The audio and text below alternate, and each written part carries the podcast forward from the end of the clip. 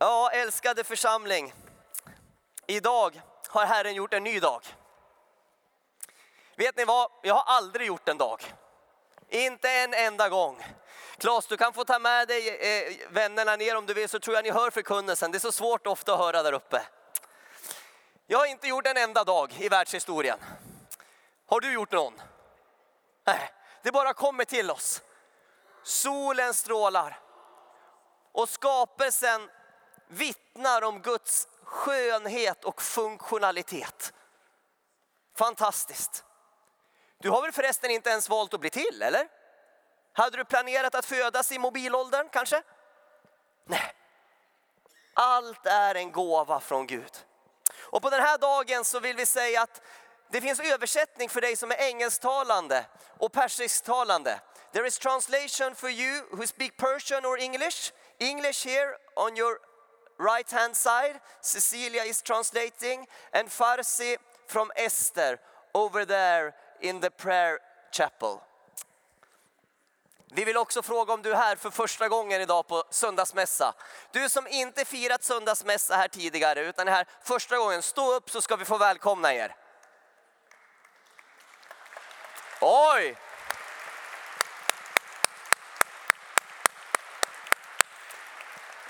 Vad roligt! Så extra välkomna.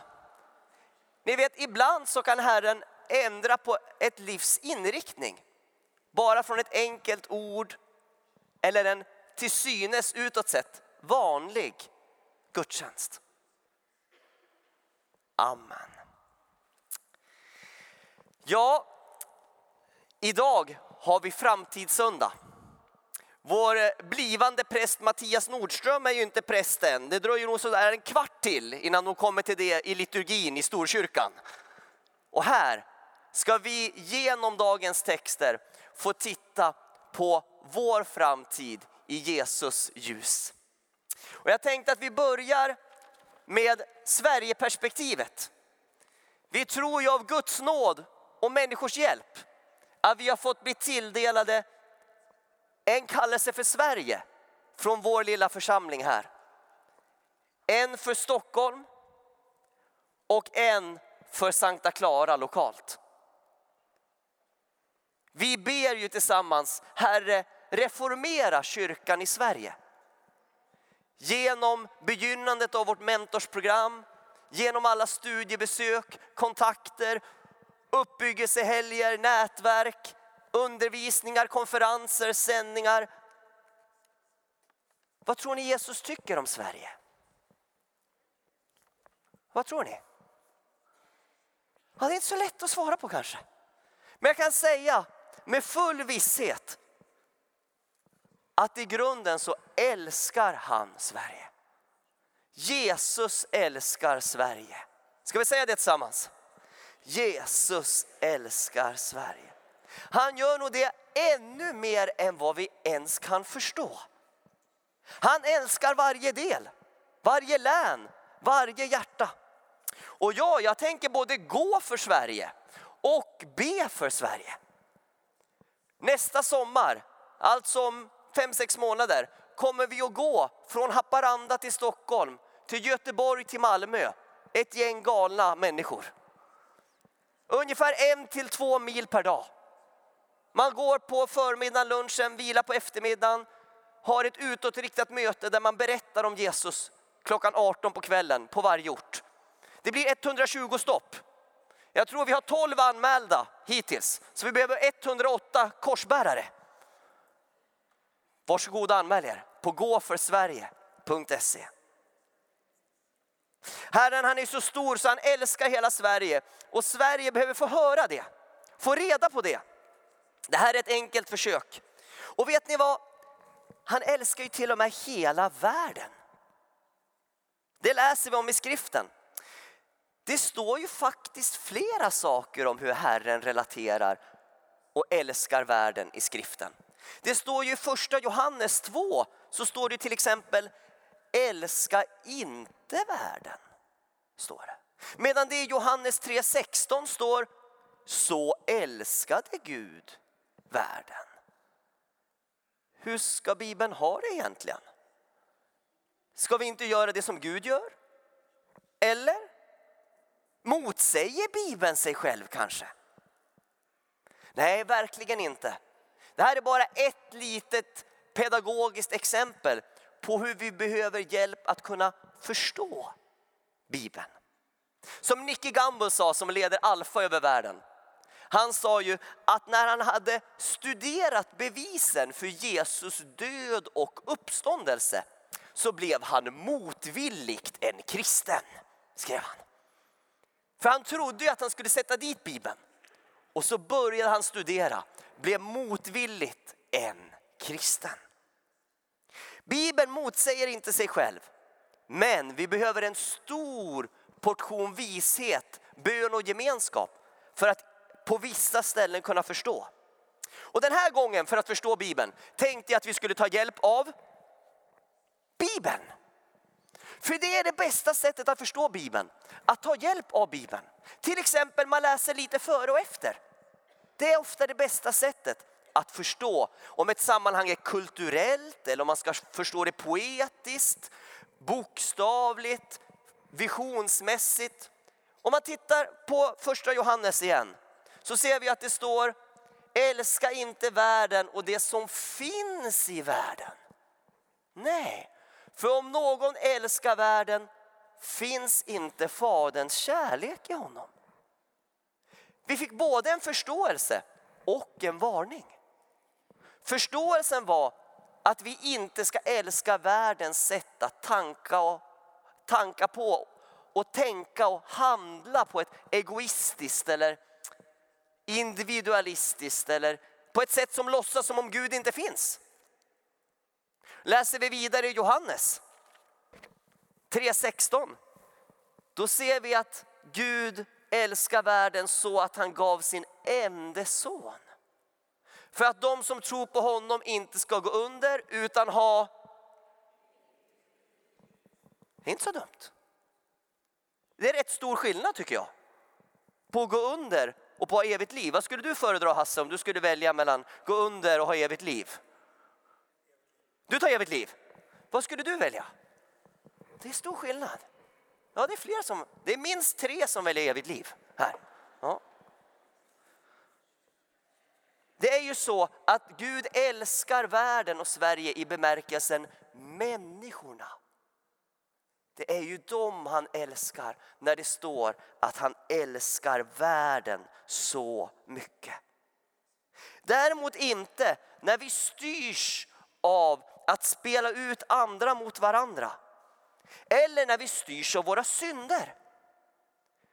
För tyvärr måste kyrkan fortsätta prata om synd. Jag fick frågan för ett tag sedan av en kvinna utanför ICA som sa Mattsson, jag mår så dåligt. Och när jag kommer till kyrkan då vill jag inte höra att jag är en syndare. Alltså jag har fyra barn, jag är sjukskriven, jag har ingen som hjälper mig hemma, jag mår dåligt, jag har dålig hälsa, jag är deprimerad och när jag kommer till kyrkan ska jag då höra att jag är en syndare. Och jag sa tack, tack för att du säger detta till mig. Och så fick vi ha ett samtal om att Bibeln talar om synd. Inte för att människan är värdelös. Utan för att människan är så värdefull för Gud.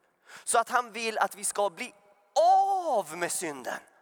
Istället för att gömma den. För när vi gömmer den då kan det leda till första Johannesbrevet 2.15. Att till sist så har vi tappat faderns kärlek. Och däremot varningen. Om man lever i ouppbyggliga livsmönster och odlar dem så kan man gömma dem. Superfarligt! Gör istället som i tisdagsmässan som vi har lärjungemässa varje tisdag här i kyrkan. Så står det så här i syndabekännelsen. Att genom min synd är jag skyldig till mer ont än jag själv förstår och har del i världens bortvändhet från dig. Därför ber jag Herre om hjälp att både se och bryta med mina synder. Det låter inte så uppmuntrande, men tro mig, det är uppmuntrande. Väldigt mycket uppmuntrande.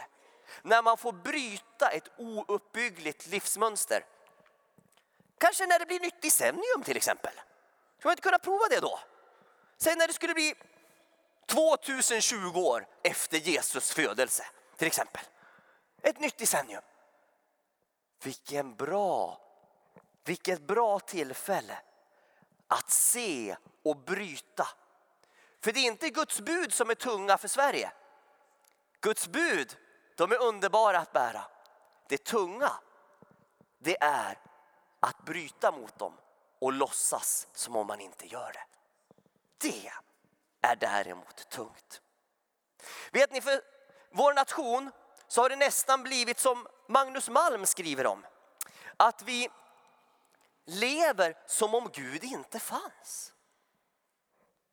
Som om Gud inte fanns. Det kallar vi för, ja, i vetenskaplig och i, en del kyrklig litteratur för sekularisering. Att vi betonar det, överbetonar det jordiska. Så att vi liksom lever våra liv som att Gud inte fanns. Men Magnus Malm skriver i sin bok att det farliga det är inte om samhället är sekulariserat.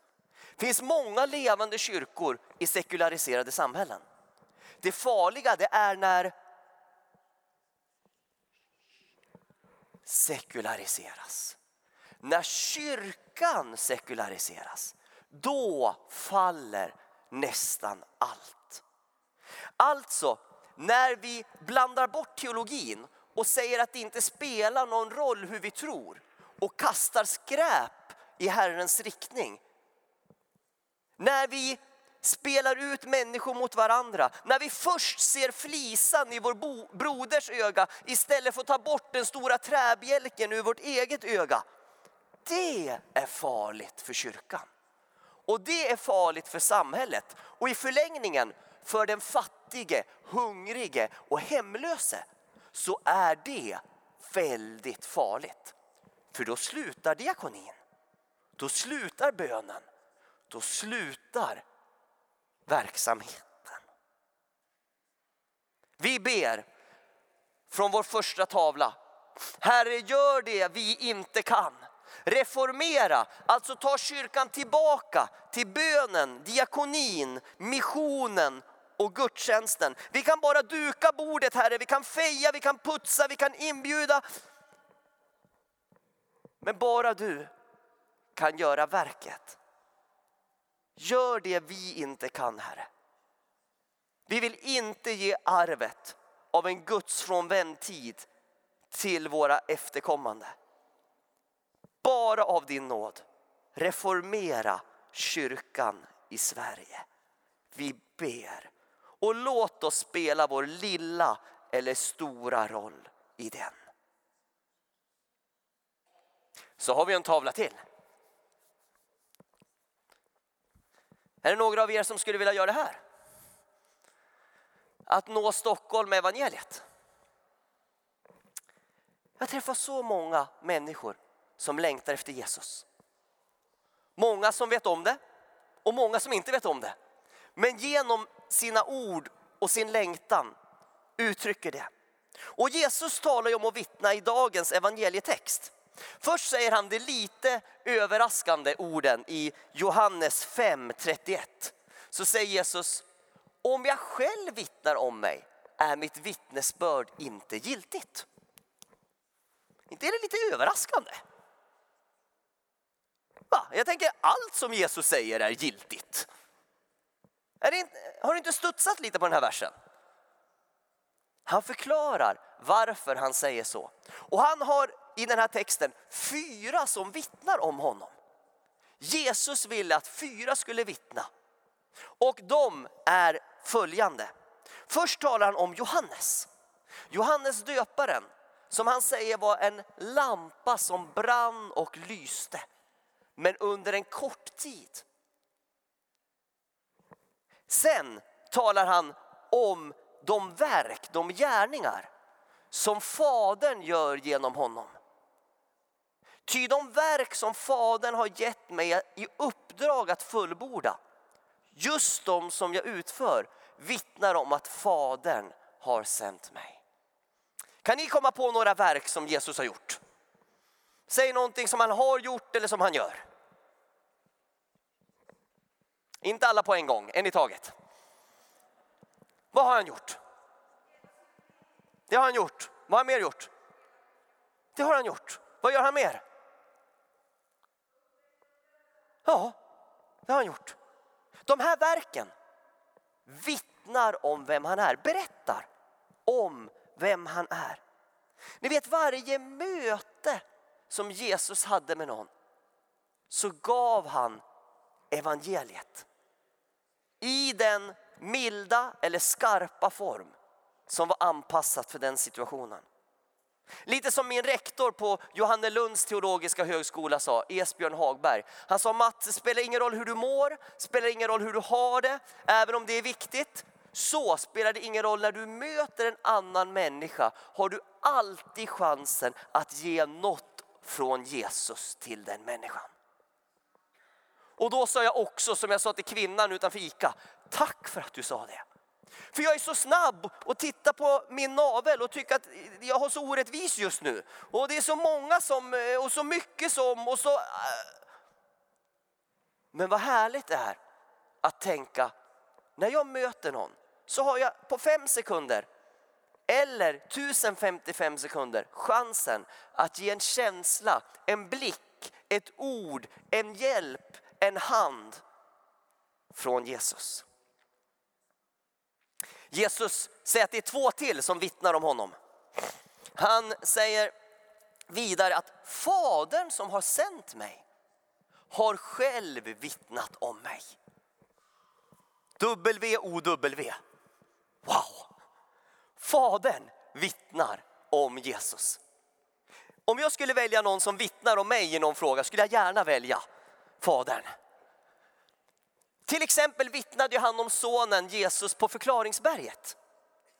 När han kom ner och avbröt Petrus. Petrus som fick se ett lysande moln komma och höra faderns röst. Det var säkert inte den allra mest framstående eh, tidpunkten i Petrus liv. Då han liksom märker att nu när jag håller ett tal så kommer fadern från himlen och avbryter mig i ett lysande moln. Det är säkert inte på topp 10. Men fadern gör det. Och så säger han om sonen Jesus. Detta är min älskade. Han är min utvalde. Och så ger han tre ord av den, den bästa kyrkopolitik jag har hört. Är du kyrkopolitiker eller inte? Den bästa kyrkopolitik jag har hört, säger fadern, lyssna till honom. Jag vill säga det tillsammans. Lyssna till honom. Fadern vittnar om sonen. Och så är det en till som vittnar om sonen. Det är nämligen skrifterna, säger Jesus. Ni forskar i skrifterna därför att de tror att de kan ge er evigt liv. Just dessa vittnar om mig, men ni vill inte komma till mig för att få liv. Alltid när Jesus eller skriften varnar, varför varnar då skriften? Jo, för vår skull. När du läser en varning som du studsar mot i Bibeln nästa gång, tänk på för vem skull den är skriven. Behöver inte reta sig alldeles för ofta i onödan. Vi har någon att vittna om. Någon som Johannes, Jesu verk. Någon som Fadern och skrifterna vittnar om. Behöver Stockholm få höra om på 2020. Och gå inte på den där lögnen nu längre. Att det inte spelar någon roll vad du gör. Det är så lätt den där, ah, det spelar ingen roll om jag går på bönen i Sankta Clara på eftermiddagsbönen. Jag hörs ju ändå inte så mycket. Eller det spelar ingen roll om jag hjälper min granne med det där. Eller det där med bibelläsning, jag, jag, jag är inte så bra på att läsa bibeln, det spelar nog ingen roll. Eller om jag blir medlem och, i kyrkan och, och, och kommer med i det diakonala arbetet och det hjälper några andra. Det kan nog några andra bättre. De där rösterna kommer inte därifrån. De kommer därifrån. Från åklagaren. Guds röst är att du ska bli till välsignelse och glädje för andra människor. Där ligger Guds vilja. Avslutningsvis, den sista bönen Sista delen i vår framtidsbild, i vår vision, är att vi ska få leva i hälsa och tillväxt här i Sankta Clara. Från 1200-talet har bön och hjälp utgått från den här platsen. Och så ska det bli tills Jesus kommer tillbaka, är vår bön. I bibeltexten, i GT-texten, så avslutas den med vad Israels folk ville lokalt i deras situation. Här så står det, folket ropar ut, tala sedan om för oss allt vad Herren vår Gud har sagt till dig, så ska vi lyssna och lyda.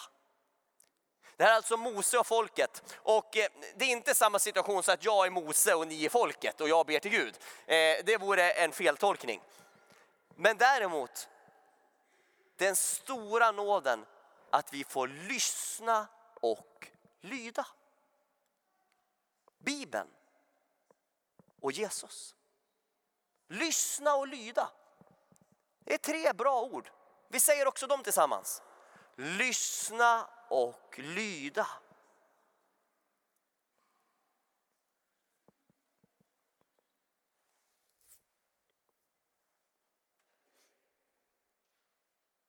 Det är stor skillnad var vi lägger ut våra nät någonstans. Tänk när lärjungarna var ute en hel natt, fick ingenting. Och så kommer Jesus och så säger han, där ska ni lägga ut näten. Så gör man det. Och näten håller på att brista. Det är stor skillnad vem man följer och lyssnar till. Och var man lägger ut sina nät. För 2020-talet ber vi för Sankta Clara att Jesus ska stå som ett baner över vår kyrka. Namnet som blir ihågkommet från vår tid. Jag kan bjuda fram eh, kollektupptagare eh, eh och lovsångare så ska jag ta och ge avslutningen på den bönen. Att Jesus ska stå som ett baner för vår framtid över kyrkan. Över vår lokala verksamhet. Tänk om det får bli så bra så att när man talar om 2020-talet, kanske på 2050-talet, om inte Jesus har kommit tillbaka innan dess, så kanske människor säger, ja men där på 2020-talet, de, de talade som Jesus talade. De sa hans ord. Jag fick höra vad Jesus hade sagt när jag kom in i kyrkan. Kanske är det till och med någon som säger, vet ni vad, de gjorde som Jesus gjorde. De tog hand om den som var i nöd. Och de gjorde det här och det här och det här. Jesus står som ett baner över kyrkan. Tänk om det blir så att när man talar om 2020-talet så säger man att ja, de älskade som Jesus älskade.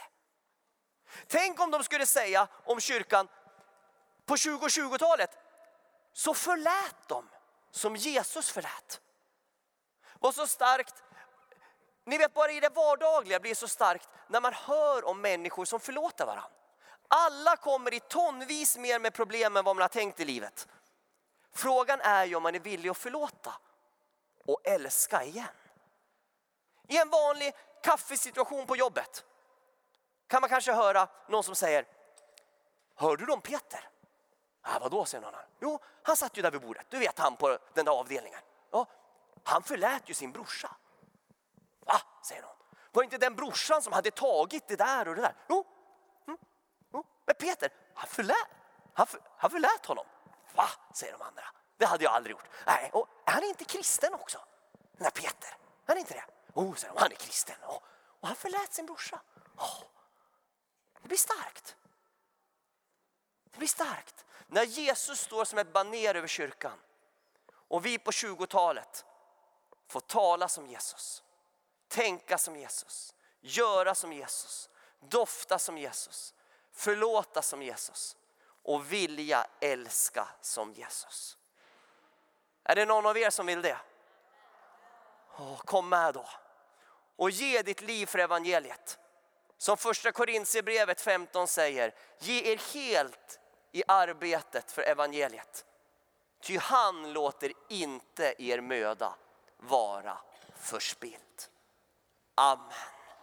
Kom nu och ge din gåva. Och du som vill ha Jesus som ett baner över din och kyrkans framtid, kom också fram till högaltaret. Böj ditt knä, vi ber en kort välsignelsebön över dig och du får gå tillbaka till din plats efter du gett din gåva. Sen blir det mer förbön under nattvarden. Kom och ge och ta emot.